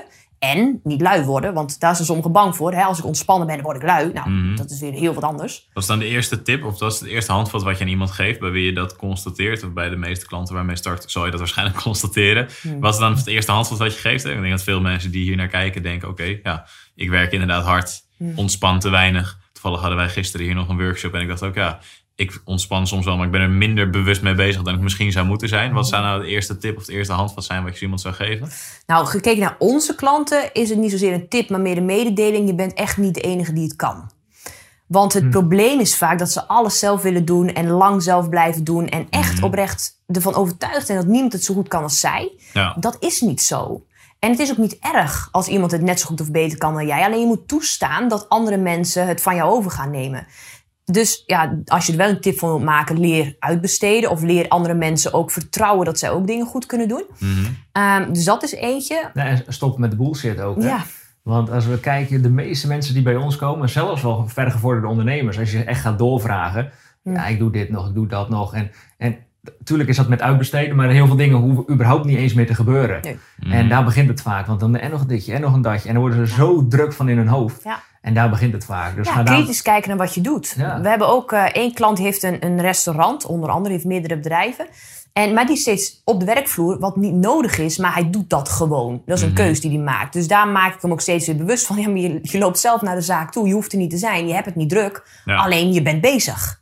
En dan vind je dat je druk hebt, want je kunt niet zomaar volgens jezelf de zaak uitlopen. Maar het is een keus. Dus het is uiteindelijk gewoon heel helder hebben, wat doe ik? Wat is niet meer nodig? Nou, stop ermee. En wat is wel nodig, maar zou ik niet hoeven doen? Maak een plan, zodat je stapsgewijs gaat uitbesteden... en je bedrijf van daaruit ook nou ja, meer zonder jou kunt laten draaien. Want daar ligt uiteindelijk ook de vrijheid. En dat kan zijn systemen natuurlijk. De protocollen, systemen, al die zaken die daarom hangen. Maar ook, ook met mensen. Cool. Ja, en, en goed voor jezelf zorgen, dat is natuurlijk Ja. zo'n cliché altijd. Hè? Maar, Ja, maar het, is, weinig doen het, dus. het is wel echt zo, want wij werken al jarenlang, nu doe ik denk ik ruim 3,5 jaar hè, dat ik fulltime bij jou in zit. Ja. 80 uur per week en dat ging gewoon elke week, 7 dagen per week. Ja. Ook in het buitenland, in Nederland, maakt allemaal niet uit. Alleen, ik ga wel zes keer in de week naar de sportschool. Mhm. En ik zorg dat mijn voeding zou beter kunnen, maar ik zorg dat het wel eh, on point is. Ehm, we laten ons één keer per jaar helemaal doormeten. Ik heb nu deze ring om, die meet ook onder andere echt alles van mijn slaap. Nou, dan zie ik dat dat helemaal niet, niet zo goed is als ik dacht. Dus ik moet eerder naar bed. Dat doe ik dan nog weer niet, maar dat is dan de volgende stap. Die ik Ja, precies. Bewustwording is stap één. Ja, precies. Maar dit kunnen we alleen maar volhouden als we zo goed voor onszelf zorgen. Mhm. En ehm, we hebben een sauna, daar kan ik dan elke dag ingaan als ik zou willen. Dus dat soort dingetjes. En de meesten die, die zorgen helemaal niet goed voor zichzelf. Nou, maar de meesten maken ook bij jou de opmerking... Goh, dat je tijd hebt om naar de sportschool te gaan. ja, dat Ja, soort daar maak ik Je tijd maakt voor. tijd, ja. dat, is, Ja. ja. dat is het verschil. Ja, ik ben wel benieuwd, hè, hoe, hoe runnen jullie de business nu? Want jij zei net al even tussen neus en lippen door... ik zou het nu in twee uur per dag kunnen doen. Ik geloof niet dat je dat doet. Maar om de business draaiende te houden, zou dat, zou dat kunnen? Hè? Ik ben wel benieuwd, hoe, hoe kom je nu bijvoorbeeld voornamelijk aan je klanten? Ja, dat is wel een mooie. Wij zijn ehm, in de tijd van... Kijk, we, ik ga een kort verhaaltje vertellen. Uiteraard, uiteraard. Ja, De dus- Kijk, als je een kwartier wil spreken, moet je mij hebben. Als je anderhalf uur wil, moet je John hebben. Ik weet dat we vorige keer hier ook zaten voor een intake voor onze master. Ja. Dat, dat was dan een gesprek van drie kwartier, maar het werd een gesprek van een uur en drie kwartier. Maar we kunnen echt veel te lang met elkaar lullen. Dus dat is heel Ja. mooi. ja, maar dat is zo. Kijk, je moet een beetje storytellen. En Jeanette moet ik dat af en toe nog een beetje Ja, leren. ik ben er best wel matig in. Vorige week... Nou, één, één Ja, heel kort ja, verhaal. ja, dat is grappig. Vorige week nam ik Jeanette mee naar... eh, ja, Nee, had ik nam jou ja, mee. Ik had Jeanette meegenomen op een weekendje weg. En Jeanette had mij daarna meegenomen naar Floten. Floten is dat je op zout water gaat drijven, word je helemaal relaxed van. Mhm. Dus ik had dat al aangekondigd in de stories. Van, En het goed storytellen. Jeanette altijd. die, die heeft me een verrassing voor. Die gaat me zo meteen ergens mee naartoe nemen. Ik, ga, ik weet het al wat het is, maar ik ga het je nog niet vertellen. Ze zit in de auto. Jeanette die rijdt. Ik zeg, wil je even vertellen wat we gaan doen? Ja, ik ga floten. maar ook echt, ja, Dat is wel lekker maar concreet. ook echt direct. Ja, ja, zo is het altijd gaan. Maar hoe komen jullie dan aan jullie klanten? ja, nee, dat Oh, ja. natuurlijk. Goed verhaal. Ik vond hem op zich kort. Ja, ja, maar nu heb ik het ingeleid. Nee, wij houden niet van gedoe. Wij houden gewoon echt op alles, we houden niet van gedoe. Mhm. Toen we John en Jeanette hadden, wat ik eerder al verteld met dat membership, dat was gedoe. Toen hadden we een WordPress website, toen hadden we die betalingssystemen, mensen moesten dat voor ons doen, wij snapten dat zelf allemaal niet. Dat vond ik echt gedoe. En daarna hadden we, waren we doorgegaan met de WordPress website, maar die was, was nooit goed voor elkaar. En soms was het stuk, dan hadden we echt een probleem. Ja, het was een keer stuk. Waren we in Mauritius, joh. En toen hadden we nog Bikini Fitness. Waren we net in de lancering. Lag die eruit. Dat is echt Fuck, super man. kut, man. En ik denk, dit is niet handig. En dat is, dat is wel mooi. Nu kom ik ook bij jou. Want we zaten dus in Mauritius. Dat is twee jaar geleden. Ik weet het nog goed. Dat was, een, dat was onze mooiste villa die we tot dan toe hadden gehuurd. En toen zag ik een mail volgens mij vanuit jullie voorbij komen. Hey, we- webinar over SEO of zo, weet ik het. Ik denk, ik heb niks met SEO, maar ik ga die webinar wel even kijken. Zal ik wel geweest zijn. ja, jij deed het zeker. En toen aan het eind, ik, oh, ik denk, oh ja, tuurlijk, want er komt dan een Phoenix aanbieding op het eind. Dat dacht zo, dat wist ik wel. Denk, ja, misschien moet jij iedereen die dit interview gaat kijken te leren dat wij een webinar geven, dat ze een finish aanbieding krijgen. Maar dit was jaren geleden. hè. Toen hadden jullie misschien nog een ander Heel verhaal. ander Ja, business. En ik denk, nou, ik, misschien moeten we toch maar van de WordPress af. Misschien eh, is Phoenix wel wat. Dus eh, die webinar kijken. Ik vond het niet zo heel interessant. Maar dat komt niet door jou. Maar dat, Nee, toch? Leuk interview dit. Kom nog eens langs. Ik vond het niet zo interessant. nee, maar dat komt door het onderwerp. ja, dit klinkt wel lullig. Nee, kan je eruit knippen, hè? Nee, ik Nee, bedoel het niet. ik Ik bedoel het niks lullig. Ik bedoel het niet lullig, het klinkt alleen lullig, maar trek het je niet aan. Kom van een goede plek. Ja. Je vond het niet interessant, maar Nee, het topic SEO vind ik niet interessant om mee bezig te zijn. Maar ik denk, ja, die Phoenix site, dat is volgens mij de stap voor ons. Want nogmaals, hou ik niet van gedoe. En ik had me er al verdiept, zoals ik in alles altijd al heel goed verdiep. Dat vervelend toe vaak van Jeanette. Mhm. Maar ik denk, ja, Phoenix, dat zorgt dus dat als, als het echt waar is wat ze zeggen op de website, dan eh, heb ik dus geen gedoe meer. Want dan nemen ze alles uit handen. Mhm. Dus die webinar kijken. En toen had ik volgens mij jou, jou ook nog een vraag gesteld in, die, in de chat aan het eind. Ik denk, nou, dat eh volgens mij wel een goede kerel. Ik probeer het nu ook weer goed te maken. En, eh, dus ik zie net vragen, hey, zullen we dat doen? Ja, nee, dat is goed. Dus eh, Phoenix aangeschaft. En uiteindelijk overgestapt binnen een maand of zo. Ja. En van daaruit, ehm, toen hadden we al onze Kikkers Leven Universiteit. Ja. dus de, de huddle, die hadden we toen ook En al. bikini. En ja, dat, dat beviel ons ook al goed. Om, eh, omdat dat ook eigenlijk alle, alle gedoe werd. Het is zo simpel mogelijk, joh. Ja. En je kan dat allemaal zelf bouwen of laten bouwen. Maar daar heb ik helemaal geen zin in. Dus dat beviel me goed. Ik denk, nou, nou, nou Phoenix is een volgende goede stap. En, en toen de tijd had ik een andere money mindset dan nu. Dus eerst dacht ik nog, zo, dat is wel serieus geld. Dat is, dacht ik, toen ging ik ze net vragen. Vroeg ze wat het ook was. Nou, die vond het helemaal niks. Dat is een goede kut. Het is logisch dat je zoiets doet. Ja. Als je serieus bent met je bedrijf, dan ga je daar niet over zitten zeiken. Nee, dus ik was er ook vrij snel weer vanaf. Maar goed, daarom coach je net mij af en toe ook nog eens als het nodig is. dus toen mij met Phoenix verder dat ingericht. En het betalingssysteem. Ja, want als je kijkt hoe we dan aan onze klanten komen, we deden natuurlijk toen alles online. Dus we Mhm. moesten dat allemaal goed voor elkaar hebben. Ja. Dus toen hadden we, ehm, we hadden al Huddle en Huddle Pay heette dat toen volgens mij. ja. En daarnaast hadden we ook de Phoenix. Ik denk, oh, nu hebben we dus al die systemen. Dat is interessant. Dan kunnen we dat gaan inrichten. Ik was me heel erg bekwaam aan het maken in copywriting. Dus ik was die site verder aan het inrichten. En eh, we waren we gratis weggeven gemaakt. En zodoende 39 tips volgens mij voor een Ja. eh, succesvol Locatie locatie onafhankelijk onder- onafhankelijk ondernemer. Ja, Zoiets. zoiets, ja. zoiets. Een beetje fout, maar het werkte best wel goed. Maar het was een goed e-book. Ja, en die liet ik non-stop draaien. Verzamelde best wel veel leads voor. En ja, van daaruit kwamen mensen gewoon in de, in de e-mail funnel op Active Campaign. En tot op de dag van vandaag schrijf ik nog steeds elke week een mailtje. En ik denk dat er nu, we hebben eerst een paar kleine mini-funneltjes. Nou, mensen komen op die grote lijst. En gewoon elke week krijgen ze een mail. En in elke Mhm. mail zit ook een call to action. Niet altijd een verkoop call to action. En inmiddels, ik denk dat dat nu sinds drie kwart jaar is, hebben we ook ons CRM-systeem eraan gekoppeld. Want ehm, eerst deed ik alles in Excel. Mhm. Dan ging ik allemaal mensen, mensen die hadden geklikt, die gaf ik wel tags en zo. Ik denk, hé, die zijn interessant, die zijn interessant. Ehm, maar ik deed dat allemaal zelf qua sales met Jeanette. Dus ik denk, kan ik wel in een Excelletje doen. Ja. En, en die Excels die werden groter en groter en dat sloeg eigenlijk nergens Maar op. jij onthoudt ook alles. Dat is heel knap. Dan, oh, die, die heeft, ja, anderhalf jaar geleden heeft die zich ingeschreven tot het e-book. Oh ja, dat ga ik even mailen. Oh, in godsnaam, hoe onthoud je maar, maar, dat? maar dat is het. Maar en de, de meeste mensen zijn zich daar niet bewust van. Die denken, John en Jeanette, die zitten daar, die hebben het goed voor elkaar. Alles gaat vanzelf. Maar dat is natuurlijk helemaal niet zo. Want we waren achter het we Ja, nog- helemaal niet goed voor elkaar. Ja, ja, we hebben het wel goed voor elkaar. Alleen we werken er wel heel, erg- heel erg hard voor. Mhm. Want elke keer was ik, oké, hoe kan ik nu weer iets inzetten? Hoe kan ik weer nieuwe mensen gaan contacten die mogelijk in, eh, interesse hebben, of die interesse hebben getoond en Mhm. mogelijk geïnteresseerd zijn. Ja. Dus ik was constant bezig met allemaal lijstjes maken en Ja. mensen. En die ging vervolgens ook contact, anders heeft het niet zoveel zin natuurlijk. Mhm. En toen kregen we iemand van sales in het bedrijf, voor sales. Ik denk, ja, toen liep ik dus vaak. Want dan moet ik een Excelletje gaan delen met iemand van sales die totaal geen gevoel heeft met die personen. En denk, dat moet anders. Dus toen hebben we het CRM-systeem genomen binnen Active Campaign. Mhm. En als je het hebt over hoe kom je dan nu aan je klanten, dat loopt geweldig. We hebben een, een gratis weggever, Ehm, daar adverteren we naar. Mensen komen in Active Campaign. En we hebben meerdere lead producten ook. Dus ehm, fysieke boekjes onder andere die Mhm. mensen kopen. Ehm, als ze die hebben gekocht na een week, dan hebben ze in, in huis. Dan worden ze doorgeschoten naar het CRM-systeem. Mhm. En dat gaat allemaal vol geautomatiseerd. Afdeling sales, dat ben ik in dit geval, die krijgt een seintje. Mhm. Die mensen moeten opgevolgd gaan worden. Dus nu gaat dat allemaal automatisch. En vervolgens pak ik de telefoon en onze coaches. En nou, en misschien wel een opbellen. goede zijtak. We hebben al verschillende afdelingen sales gehad. Maar ook dat, je kunt je systemen vet goed hebben staan. Ja. Alleen dan moet zeg maar, de afdeling sales ook helemaal aansluiten bij het bedrijf. Ja. Ja, nee, dat absoluut. Maar ik wil eerst één stapje terug. Want dit gaat misschien, eh, als je nog niet zo ver bent, ook met online ondernemen, gaat dit wat snel wat ik nu vertelde. Ja. En dus je Eh, hebt heel, heel basic, gratis weggever. Je hebt een fysiek boek wat mensen kopen. En Ja. iedereen die het fysieke boek koopt, die komt in jullie CRM om nagebeld te worden. Ja, en onder- e-book ook. En de e-book ook. E-book gewoon eh, alles wat je bij ons aanschaft, kom je in het CRM-systeem wat opgevolgd gaat worden. Ja. En ehm, ja, dit, want die productjes, we hebben ook persoonlijk leiderschap op Flippers. Dat Mm. is ons membershipje in de Lifestyle Business University. Dat is Mm. voor ons ook een lead product. We hebben lead generators, we hebben lead producten, dus lage prijzen producten. Mhm. En die, die combinatie die zorgt ervoor dat, dat alleen de gekwalificeerde mensen in ons CRM-systeem komen. Precies. En die gaan we vervolgens opvolgen. Ja, en ook weer niet allemaal.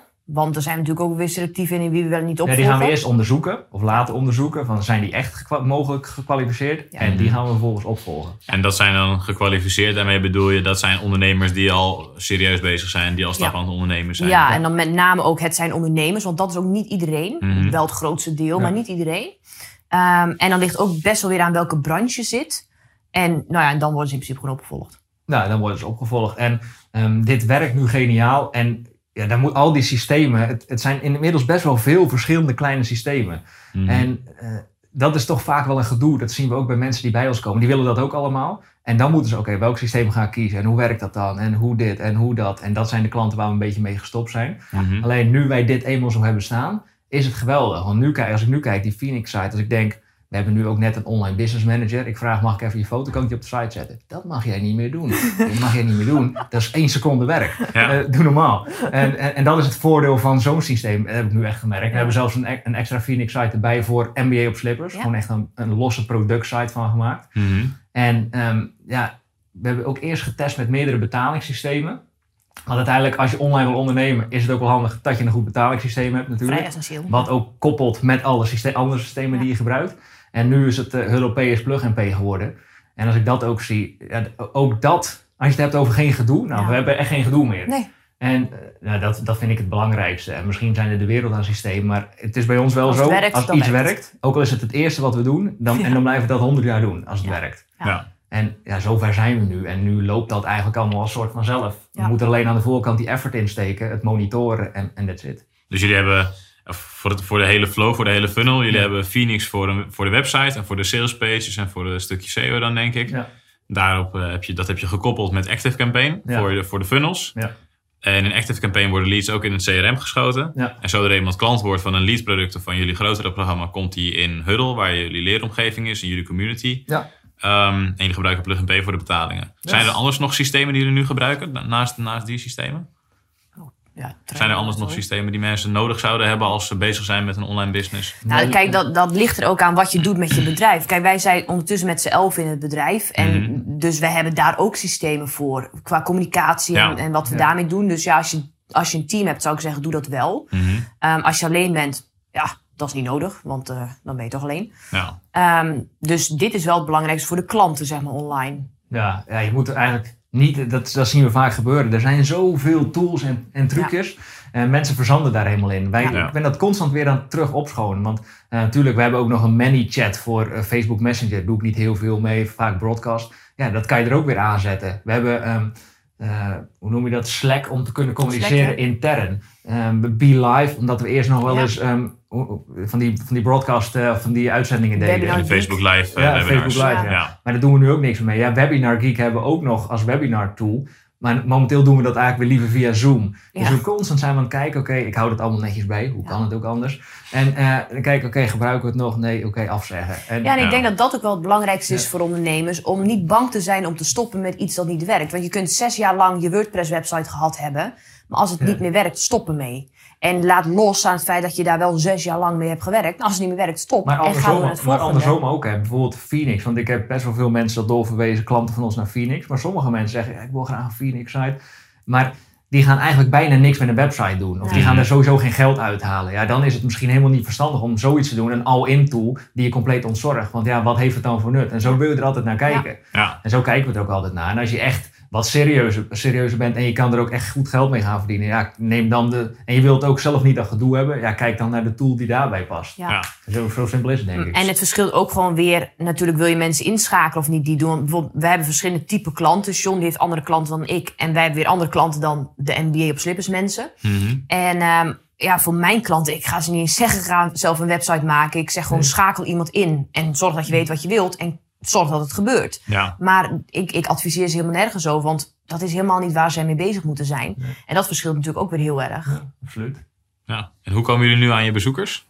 Om even te, want we, hebben nu, we weten nu wat, Ja. wat Ja. voor funnels er staan. Waar halen jullie de meeste bezoekers vandaan? Is dat vanuit Google? Je noemde net al iets met advertenties. Adverteren. Wat Ja. voor advertenties zijn het dan? Hebben jullie een social media strategie?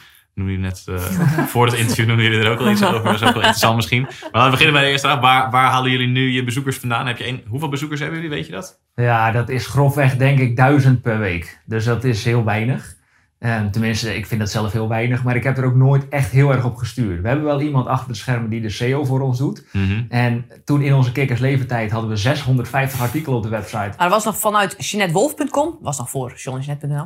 Mhm. Toen vanuit johnnyjeanette.nl. Bikini Fitness heb ik nog opgedeeld. Het was echt een teringzooi. Ja, dat was zo verschrikkelijk. Joh. Dus ik heb ehm, samen met onze SEO-man hebben een opscholing gemaakt van 650 terug naar 200 artikelen. Ja. Ook niet bang zijn om te verliezen. Dat was eigenlijk in de overgang van kikkersleven naar lifestyle of business. En van die 200 artikelen, daar weet je, weet je ook niet gelukkig van. dus eh, uiteindelijk, zeg maar, nu as we speak, zijn we terug naar 50. Mhm. En van die 50 zijn er 40 waarvan ik denk, nou, die kunnen nog wel even een, upgrade, eh, een update gebruiken. Dus dat zijn we nu aan het doen. Dus we, zijn nu, we hebben die basis neergezet qua eh, blogstrategie. Dus we hebben ook nu even geen nieuwe artikelen. Gewoon Mhm. 50 zorgen dat het echt goede artikelen zijn. Goede categorie teksten, dat dat echt past bij lifestyle business. Mhm. En van daaruit gaan we nieuwe artikelen en bijvoegen. het contentkanon. Nu zijn we ook bezig met het contentkanon binnen Phoenix, want dat was ook een groot zootje geworden, zag ik wel. Dus dat zijn we nu, eh, die SEO-man erop gezet, maak maar een plan van aanpak. Gaan we ook helemaal opnieuw aanvliegen. Ja. Mhm. Eh, dus ja, daar komen nu niet de wereldbezoekers uit. Maar je hebt duizend, duizend bezoekers per week. Dus zeg grofweg 4, 4.500 per maand waarschijnlijk. Ja.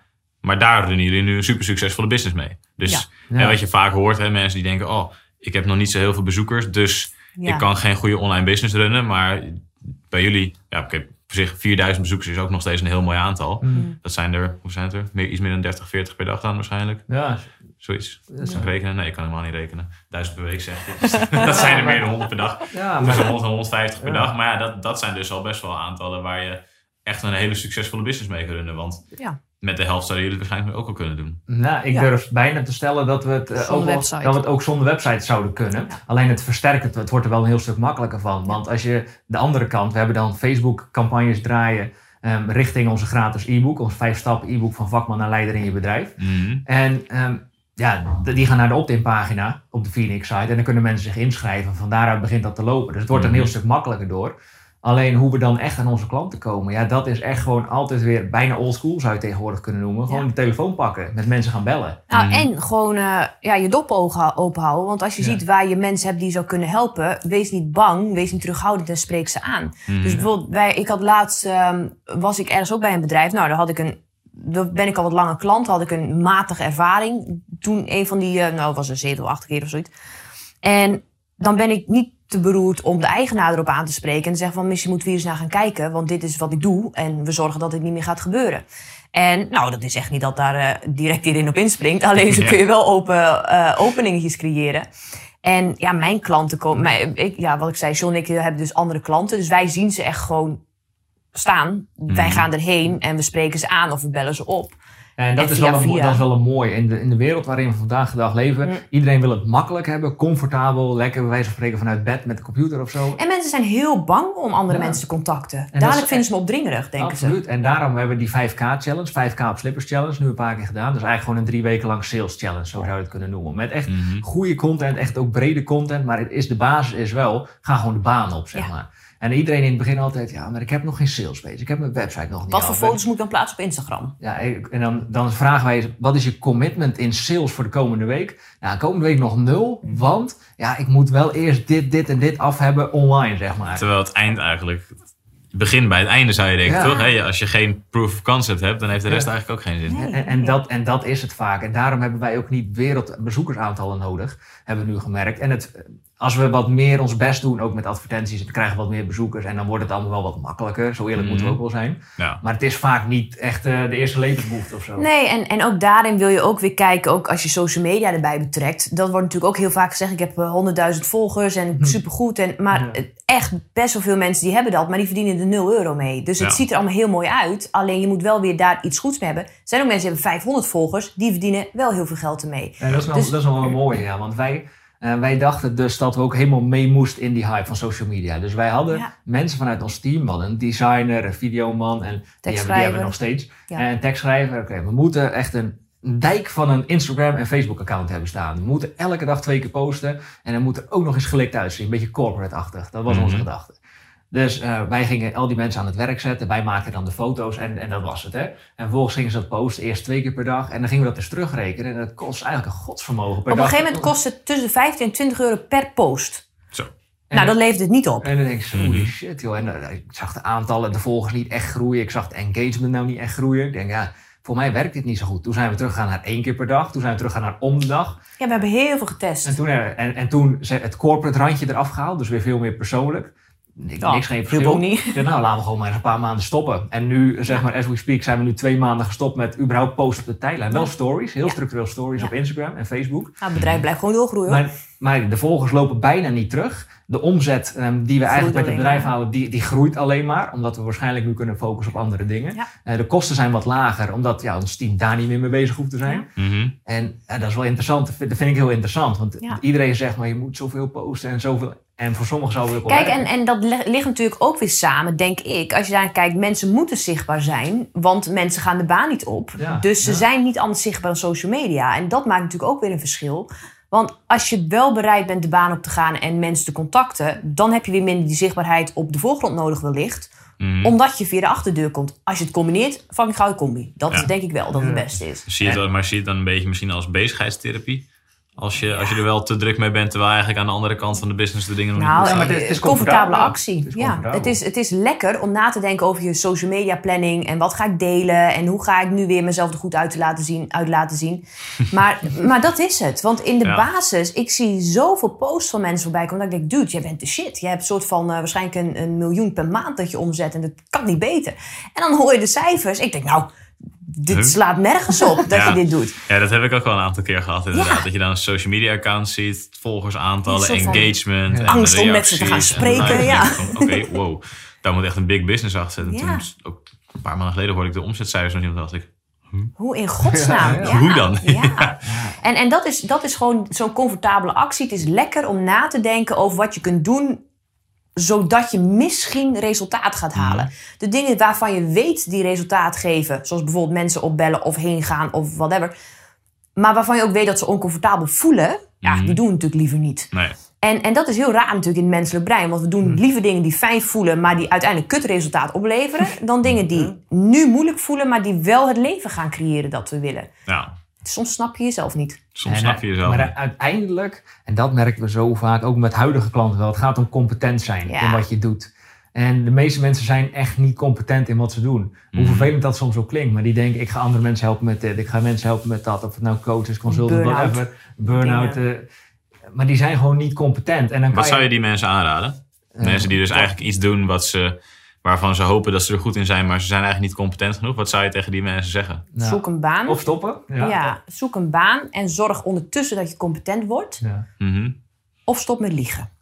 ja. Best is beide. dat vooral. Want wij eh, bijvoorbeeld, we zijn echt da- letterlijk dagelijks al voor 3,5 jaar, 1, 2, 3, soms 5 uur per dag zijn we aan het studeren. Op welke manier dan ook. Mhm. Door, door de coaching die we hebben, door de boeken die we lezen, de, de documentaires die we kijken, whatever. Om- En, en natuurlijk de klanten die we begeleiden. En doordat we steeds meer klanten op een bepaald niveau begeleiden, worden we ook weer steeds beter. Je je focus daarvoor? Dat je enerzijds mensen helpt en je eigen business runt, maar tegelijkertijd ook nog twee tot vijf uur per dag studeert en bijleert. Ik vind dat heel logisch. Ja, eigenlijk. Ik vind het heel logisch dat we dat gewoon inplannen. En dat is het ook gewoon. Ik plan het in. Ik heb 's ochtends mijn hele ochtendritueel. En dat is hartstikke ja, ontspannen, relax vlammen. Hè? Mhm. En eh, zoals vanochtend kijk ik weer een video. Nou, ik ben nu heel veel into eh, spirituele ontwikkeling. Ik ben ik al, al anderhalf jaar ondertussen veel mee bezig. Maar ik kijk wel waar gaat op dat moment mijn voorkeur naar uit. Maar ik Mhm. weet ook, smiddags ben ik bezig met bijvoorbeeld businessboeken lezen. Of ik ben me nu laatst was me heel erg aan het verdiepen in restaurants. En hoe je die optimaal kunt laten draaien. Mhm. En het heeft me interesse. Ik vind het echt uitermate Dan is, is, interessant. dat, is dat ook stiekem gewoon ontspanning volgens mij Ja, voor jou? ik vind dat echt- Ja, dus echt dan- leuk. Dat is ook zo relaxed vlammen. Ja, ja, echt. je leert bij, Ja, kan Ja. daar je business weer beter door Ja. laten groeien, terwijl je het ook gewoon interessant vindt. ja het Maar- is, dat is het Maar het is leuke. vrij simpel. Als je een skill wilt ontwikkelen en je beheerst het niet, ja, dan zul je er werk in moeten Ja. steken. Vorig jaar wist ik, ik moet ehm, beter worden in sales, want ik, ik zou het dan ook gaan coachen. Dus ook, ik moest ook die gesprekken gaan doen. Maar ik was er nooit mee bezig geweest. Dus ik ben echt als een maniak daarin gedoken. Ik heb de trainingen gevolgd. Jordan Belfort, hij was hier ook nog in de RAI, ben ik ook nog naartoe gegaan. Mhm. En ik heb al die technieken heb ik geleerd op mijn manier. En die ben ik gaan toepassen en dan ben ik gaan bijschaven. Oh, Ja, en ook weer dan luisterde ik in het begin mee. Ja, ook dat nog. En dan gaf ik weer feedback. Dus dan zaten met z'n beide uren op te trainen. En dat was dan Ja. niet leuk voor je, maar het was wel Nee. nodig. En een heel groot verschil, denk ik, hier, wat, je, wat jij gewoon zegt, wat voor jou echt de meest logische zaak van de wereld is, hè, Ja. is ik ging naar trainingen, ik ging hier naartoe, ik ging daar naartoe. Vervolgens ben ik het gaan toepassen op mijn eigen manier. Want ik moest er zelf beter in worden, Ja. zodat ik daarna mensen kon coachen. En wat je nu Juist. natuurlijk heel veel ziet, is mensen die zeggen, "Nou, ik ga coachen?" trainingen volgen, ik ga ergens naartoe. En vervolgens ga ik dat wat ik geleerd heb, ga ik aan andere mensen leren. En te hopen dat zij er ook Ja. succesvol mee worden, zodat ik mijn sales expert kan noemen. Ja, echt. Ja, en ik denk dat dat altijd moet door blijven gaan. Ja. En, en de meeste mensen zijn dat niet meer bereid. Want dan ook, gisteren had ik weer een salesgesprek met iemand. En die doet dan eh, ja, online marketing funnels maken voor andere mensen. En ik Mhm. kijk, zeg, wat is je website? Nou, maar naar die website. Ik zeg, oké. Nou, de eerste zin, dat zegt eigenlijk al niks. Hè? Nee, zegt niks. Oké, en, en dan is je eerste call to action op je homepage, een koffietje doen. En that's it. En je bent een online marketeer. Ik kan me nergens voor inschrijven, helemaal niks. Mhm. Ja, ja, nee, dat is dat net als bij de loodgieter. Bij de loodgieter lekt het altijd. Ja, dat is dik gelul natuurlijk. Ja. Dat is, ja. niet, dat is geen goed excuus. Nee, man, echt niet. Dat is echt heel zwak. Dat is heel Ja, Ik vind het wel leuk, want jullie coachen voornamelijk natuurlijk offline, eh, offline ondernemers nu dan. Ja. Maar eigenlijk hebben jullie gewoon zelf een online business staan. En een Ja. online funnel en een online marketing funnel. Ja. En jullie hebben nu jaren erop zitten. eh, veel, eh, veel fouten gemaakt, veel dingen geprobeerd. Veel tijd gestopt in dingen waar je achteraf denkt... Oeh, nou, Ja. had misschien niet moeten doen. Wat zou nu het advies zijn aan iemand? Hè? Stel dat je toch iemand hebt die een online, eh, online funnel neer wil zetten. Wat zou nu het advies zijn aan iemand die net begint... of die, die, die een basis heeft staan online en een volgende stap wil nemen? Wat moet hij als eerste doen? Of wat moet hij als eerste gaan verbeteren? Ehm, het allerbelangrijkste is eerst goed weten wat je eigenlijk verkoopt. Welk probleem je kan oplossen of welke behoefte je kan bevredigen voor je ideale klant. Eigenlijk beginnen bij de waardepropositie, hoe Mhm. oldschool dat ook klinkt. Ja. En ook zelfs als je eh, een online onderneming wilt opstarten of, of wilt uitbouwen. Want de meesten die hebben dat niet scherp. Die denken ik ga op die doelgroep richten, ik ga daarop richten.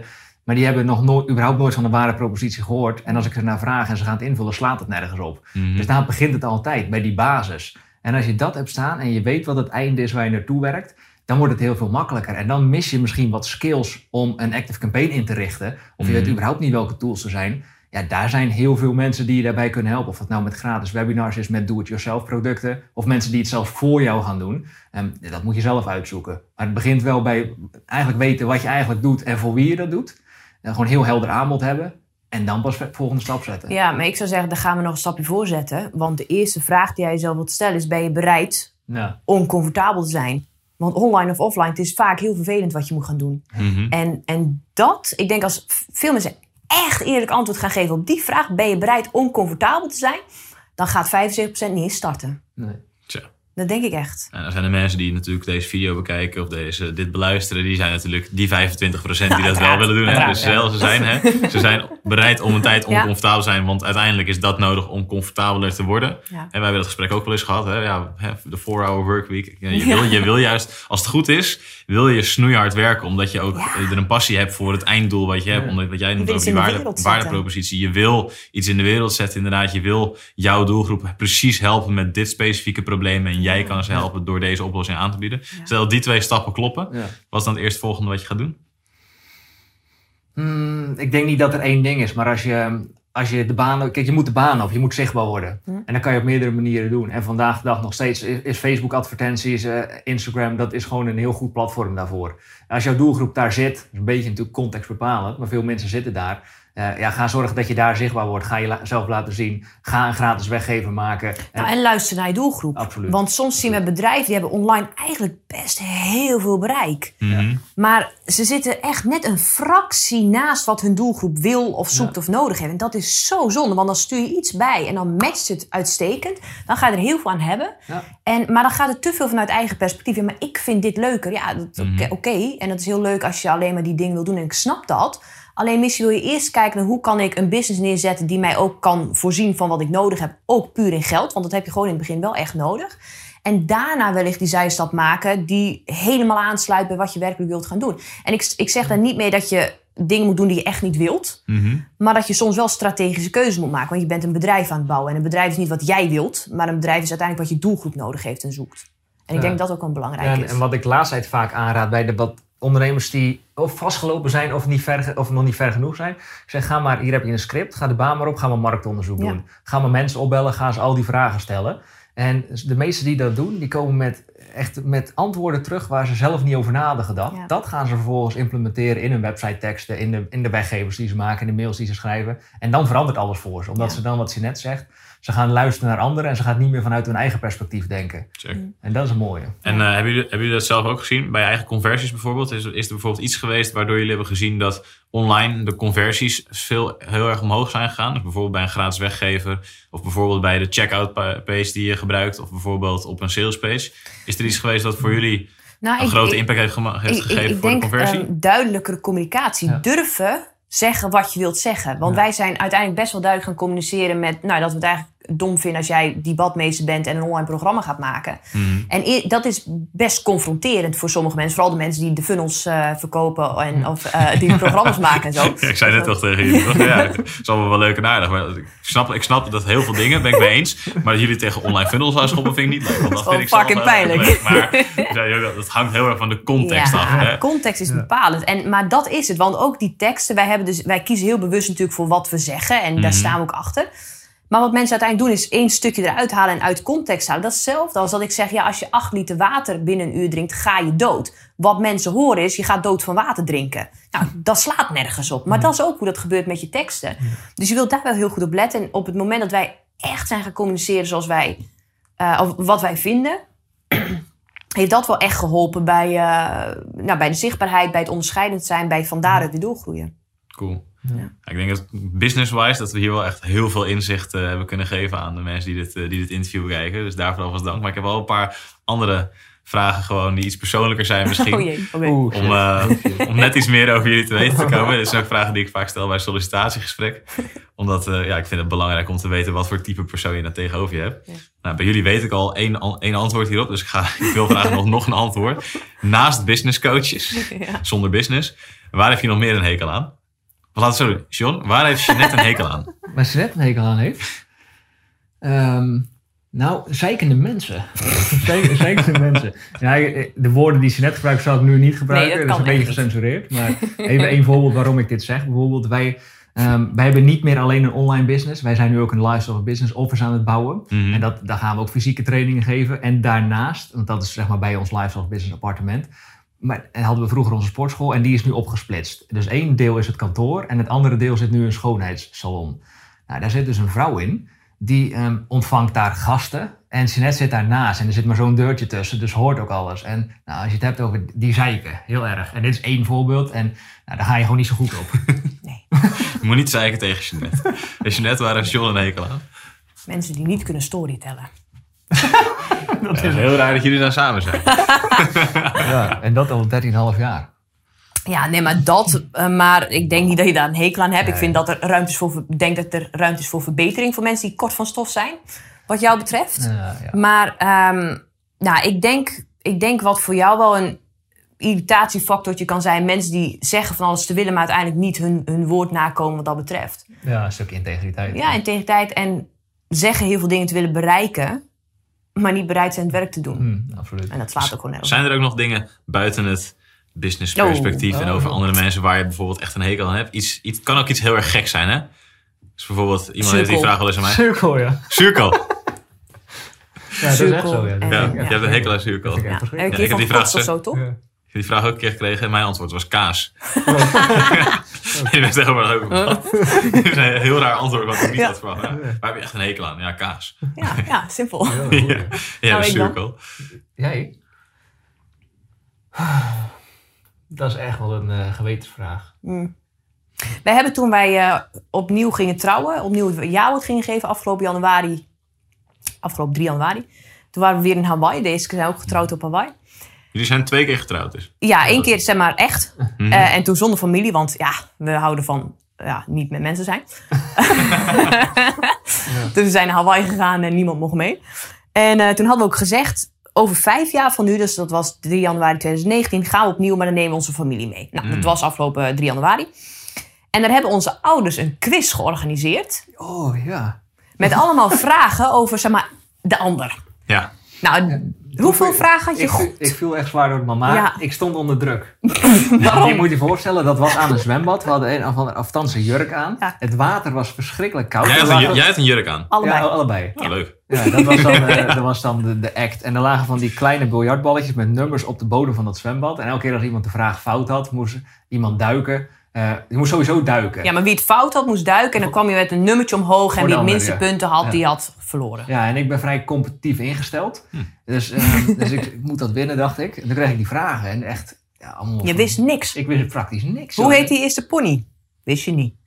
Nee. Johnny. Zei, nou, hij was wel een van de, maar dat was wel fout. Ja, dat was niet goed, nee. Nee, En dus, allemaal- dus, maar dus jij Johnny, weet de. Johnny de pony. ja, Johnny mooi. de pony. Dus, dus eigenlijk komt er weer, je weet gewoon niet zoveel van mij. Nee, ik luister gewoon nooit naar. maar je bent bezig met eigen Kom dat je zelf zo regelmatig aan het woord bent waarschijnlijk. dat denk ik, ja. Ja, schrijvenvrouw, ze luistert heel goed. Ja, en jij zelf gaat wel. ja. Ik weet mijn naam. Ja. Nee, maar ik, eh, ik weet zelf ook niet goed waar ik een hekel aan heb.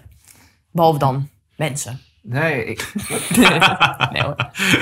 nee, maar het is heel simpel. Want alles waar jij een hekel aan hebt, daar distancieer Dat je. ik Of het nou dingen zijn of Ja. mensen, daar distancieer je direct van. Ja. En je, gaat er, je zit er niet eens over in verder. Is Nou, dat voor jou nee. essentieel om een gelukkig leven te leiden? Ja. Distancieren van dingen waar je, waar je een hekel Ja, aan dat hebt? vind ik heel belangrijk. Maar ook niet druk maken om dingen die er echt niet toe doen. Heel simpel voorbeeld van nu, heel recent. Er is een eh, foto gemaakt voor oma, John's oma. Mhm. En eh, dat heb nou echt tientallen foto's. En er staat er eentje op, daar lag ik net keihard. Nou, ik uh, appte al naar Rianne, dat is een van onze coaches. Ik zeg gelijk wel een Chinees die moet poepen.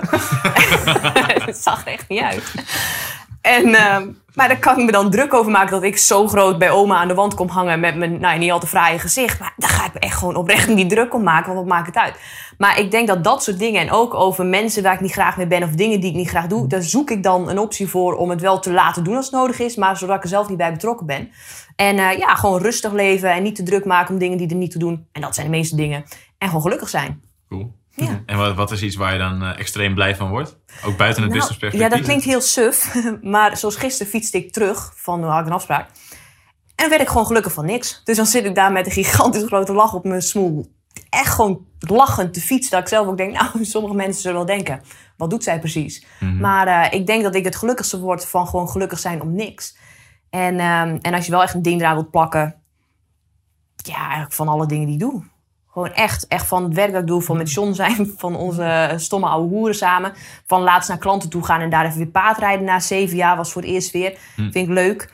Ehm, van mezelf ontwikkelen, maar ook van in de sauna zit. Ik geniet gewoon van alle dingen. En als ik er niet van geniet, dan doe ik het niet. Ja. Nee, Ik simpel. denk dat dat wel een hele, hele mooie is om mee te nemen. Ja, als je kan genieten van alle dingen die je doet. Ja, En alle dingen waar je niet van geniet, dat je dat niet meer doet. ja, best een fijn leven. ja man.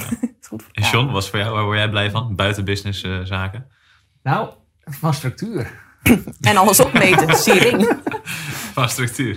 Nou, dat Ah, klinkt- je daar Zelfs, echt zelfs in je, geluk in je- in je Ja, persoonlijk leven word je blij van structuur. ja, eigenlijk wel. En dat ga ik uitleggen, want het klinkt Ja, heel... doe maar. klinkt kan niet anders. Nee, maar ik doe dat niet lang. Doe dat niet Wel lang. met een Maar- verhaaltje. Nee, niet te gek. Maar dat klinkt heel gek voor mensen die acht maanden per jaar eigenlijk overal en nergens wonen. Dus ook, Mhm. ook die vastigheid niet hebben in die zin.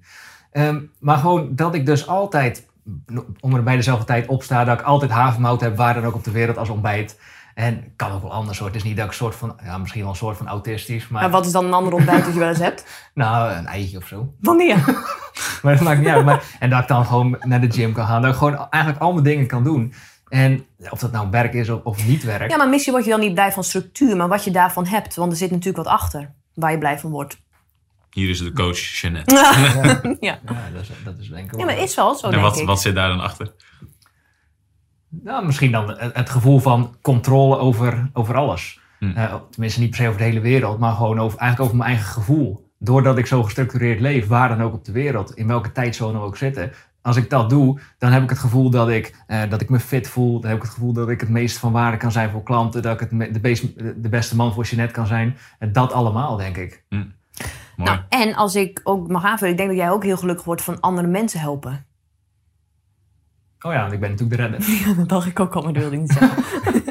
Nee, Tibor heeft een keer eh, eh, we hebben zo'n piramide van eh, type mensen die je kan zijn. En dan ben ik overduidelijk de redder. Want als eigenlijk een situatie met een persoon al niet meer te redden is, bijvoorbeeld een personeelslid of zo, Mhm. dan zou ik nog drie extra gesprekken gaan voeren om nou, te dan, kijken. dat heb je ook gedaan. Ja, heb ik ook gedaan in het verleden. recent Of het nog te redden is. Om, om diegene alsnog te fixen. Ja. Eh, dat ook, denk ik. Ja. Ja. Maar daar word ik dan misschien niet per se echt heel gelukkig van. Dat weet ik niet. Is misschien gewoon iets, iets wie je bent, wat je bent. Ja. Dat zou waarschijnlijk ook een van de redenen zijn waarom jullie zo extreem veel aandacht aan, eh, aan jullie klanten geven. Ja. Nog één laatste vraag. Ja. Waar staan jullie, waar staat Lifestyle Business over vijf jaar? Oh, dat weten we wel. Vertel jij dat of vertel ik dat? Jij kan het super mooi Ja. vertellen. Ehm, dan hebben we natuurlijk ons Lifestyle Business kantoor klaar, maar dat is al over een maand. En waar is Waar is dat kantoor? de wijk, Of De wijk? Drenthe. Drenthe? Of all places? Nergens naast de Ja. deur. Nee, nee, nee. Dat is wel. Ja. En ehm, wij willen vier locaties over de wereld hebben. En eerst dachten wij, we gaan die kopen. Mhm. Maar nu hebben we, wij hebben ook gesproken met investeerders. En, en niet om te investeren in ons, maar gewoon om wat zijn goede keuzes. En toen zijn we uiteindelijk tot de conclusie gekomen. Daar gaan wij, zijn we nu bezig om constructie te maken. Met dat wij het huren van andere mensen. Kunnen wij ons eigen ding van maken. En dan kunnen wij roleren tussen onze eigen locaties in Nederland. Mhm. Of eh, in de wereld. En kunnen we als wij daar niet wonen. Wat zeg maar dan negen maanden van de twaalf is. Omdat we vier verschillende plekken hebben. eh, kunnen we dat verhuren. Dus dat is wat er staat onder de vlag van Lifestyle Business. We zullen dan... Is dat dan voor julhet twee of ga je dan met je hele team dan verplaatsen? Nou, dat mag. Alleen in principe natuurlijk... Ja, hallo, we gaan niet met heel veel mensen in één huis. maar ze mogen wel gebruik maken van die huizen. Maar, maar verder van mensen van buitenaf ook die dat willen huren. Ehm, we zullen dan ook natuurlijk meerdere coaches hebben. We hebben nu dan twee naast onszelf. En dat willen we uitbreiden naar in ieder geval tien. En meerdere trainers ook die we gewoon los kunnen invliegen. Want dat is iets minder breekbaar dan alleen coaches hebben. Ehm, we wilden eerst offline, of ehm, eh, in het buitenland ook hebben. Maar in eerste instantie hebben we nu als visie gekozen voor Lifestyle of Business. Dat er voor alle offline branches in Nederland een gespecialiseerd Lifestyle of Business coach is binnen die branche. Dus dat zal er ook zijn over vijf jaar. Ja, dat is het belangrijkste. Ja, denk Dat is ik. allemaal wel weer businessgericht. Wat hebben we dan als persoon nog? Mhm. Ja, die huizen waar we dus gewoon lekker ons epische leven kunnen Ja. leiden. En dan met een privéjet, alleen dat is nog niet over vijf jaar. Nee, dat is niet over vijf. Dat is nog niet... eh, Over hoeveel jaar is dat? ja, Nou, kijk, Jaren een privé- 15, een pri- 20? Je kan je afvragen of je een pri- privéjet moet willen kopen als je Ja. zo leeft zoals wij. Maar het is wel cool. dat, is ook, Dus, dat is ook al waar. Dat is eigenlijk misschien zinloos. Dat is een ego-ding dan. Ja, Ja, ja, ja. Het is wel leuk. Ja, ik had ook net verwacht, ook, waar, waar, waar word je blij van? Dat ik eigenlijk wel jullie zouden zeggen, nou eigenlijk gewoon schoenen uit. Ergens waar het heel erg warm Ja, is. ook. Met een laptopje aan de rand van het zwembad. En dan keihard werken. Nou, ik denk als je het samen moet vatten, als je zo zegt, inderdaad, gewoon al dat vakantiegevoel. Ja, dat wel. Dat is waar we blij van worden. En inderdaad, de blote voetjes. Ik, eh, dat iedereen weet ook dat ik altijd op blote voeten loop. Laatst ook met sta- nagelstilisten. Heb je schoenen aan? Ik zeg, ja, het regent buiten. Ik heb nu wel schoenen aan. Dus ik dacht dat je gewoon op blote voeten zou komen. Maar niet altijd. Niet altijd. Bijna. Maar hoewel ik heb in de Dominicaanse heb ik zes weken lang heb ik geen schoeisel gehad. Was opgevreten door de hond. En ik vergat nieuwe schoenen te kopen of slippers. Ja. Nou, dat gaat. Je hebt echt geen schoenen nodig. ja, maar dat komt ook. Dat moet je erbij vertellen. Jij kwam gemiddeld eens per acht dagen kwam je de oprit af. Dat speelt misschien ook mee. Om even koffie te gaan drinken ergens. Ja, zo zegt. Dat kan ook meespelen. Ja, dat is wel waar. Ja. Maar ik had geen schoenen nodig. Nee, klopt. Nee, maar dat is waar wij over vijf jaar staan met het bedrijf. En, eh, ja, en wij zelf groeien als persoon. Maar ik, ik heb daar niet een bepaalde soort stip op de horizon voor. Nee, en is het dan met kinderen of zonder kinderen? Ja, dat weten we nog niet. Nee, maar dat weet ik ook niet of je die kunt krijgen. Nee, dat ook. Nu is het een beetje... eh, we zijn nu 29 en 30. Iedereen om, je heen ziet, om ons heen zie je dan een beetje kinderen krijgen. Sommigen hebben er al drie of vier. Ja, Ja, en ik vind het nu een beetje nog onhandig eigenlijk. dat is nu nog niet slim. Nee. Dus misschien dan ook wel over vijf jaar. Ja. Ja, je weet het niet. Knows? Dan gaan we over vijf jaar gaan we weer even kijken hoe het jullie business baby. De lifestyle of business baby. Ik vind het helemaal mooi. John Jeanette, hartstikke bedankt. Ik denk dat eh, mensen hier, eh, hier heel van hebben. Dus dankjewel dat je helemaal naar Amsterdam Ja. wilde komen voor dit, eh, voor dit interview. En we gaan jullie sowieso blijven volgen natuurlijk. Ja, super. Nou, jou ook bedankt. IMU Podcast. Super tof dat je weer hebt geluisterd naar een aflevering van de IMU podcast. Misschien heb je het al gehoord, maar zeer binnenkort op 16, 17 en 18 oktober organiseren wij het IMU-event in het Fiji Theater in Zeist. Samen met 10 andere online marketing experts gaan we je drie dagen lang onderdompelen in de nieuwste technieken, de beste tips en trends waarmee je een enorme boost kan geven aan je online marketingstrategie en een boost kan geven aan jezelf als ondernemer en dus aan je online business omdat jij naar onze podcast luistert, lijkt het me natuurlijk super leuk als jij daarbij bent. En daarom wil ik je bij deze een hele vette korting geven. Op imu.nl slash event kan je zien dat kaartjes voor het IMU-event 750 euro zijn. Nou, als je dat omrekent, drie dagen, eigenlijk is dat natuurlijk al een dikke no-brainer. Maar omdat je naar deze podcast luistert, wil ik je daar nog eens 250 euro extra korting bij geven. Dus wat je kan doen als je naar imu.nl slash event gaat, is daar de kortingscode podcast gebruiken. En je zal zien dat er dan 250 euro van je kaartje afgaat. Wil je nou met andere bevriende ondernemers komen, dan kan dat natuurlijk ook. En die korting wordt natuurlijk ook verrekend als je meerdere tickets bestelt. En sterker nog, we hebben er een staffelkorting opgezet. Dus hoe meer tickets je bestelt, hoe meer korting je krijgt. Nou, als het iets voor je is, hoop ik je daar natuurlijk te zien. Dus imu.nl slash event. En zo niet, ook even goede vrienden natuurlijk, hoop ik je weer bij de volgende podcast aflevering te mogen verwelkomen. Voor nu nog een hele fijne dag of een hele fijne avond. Doei doei!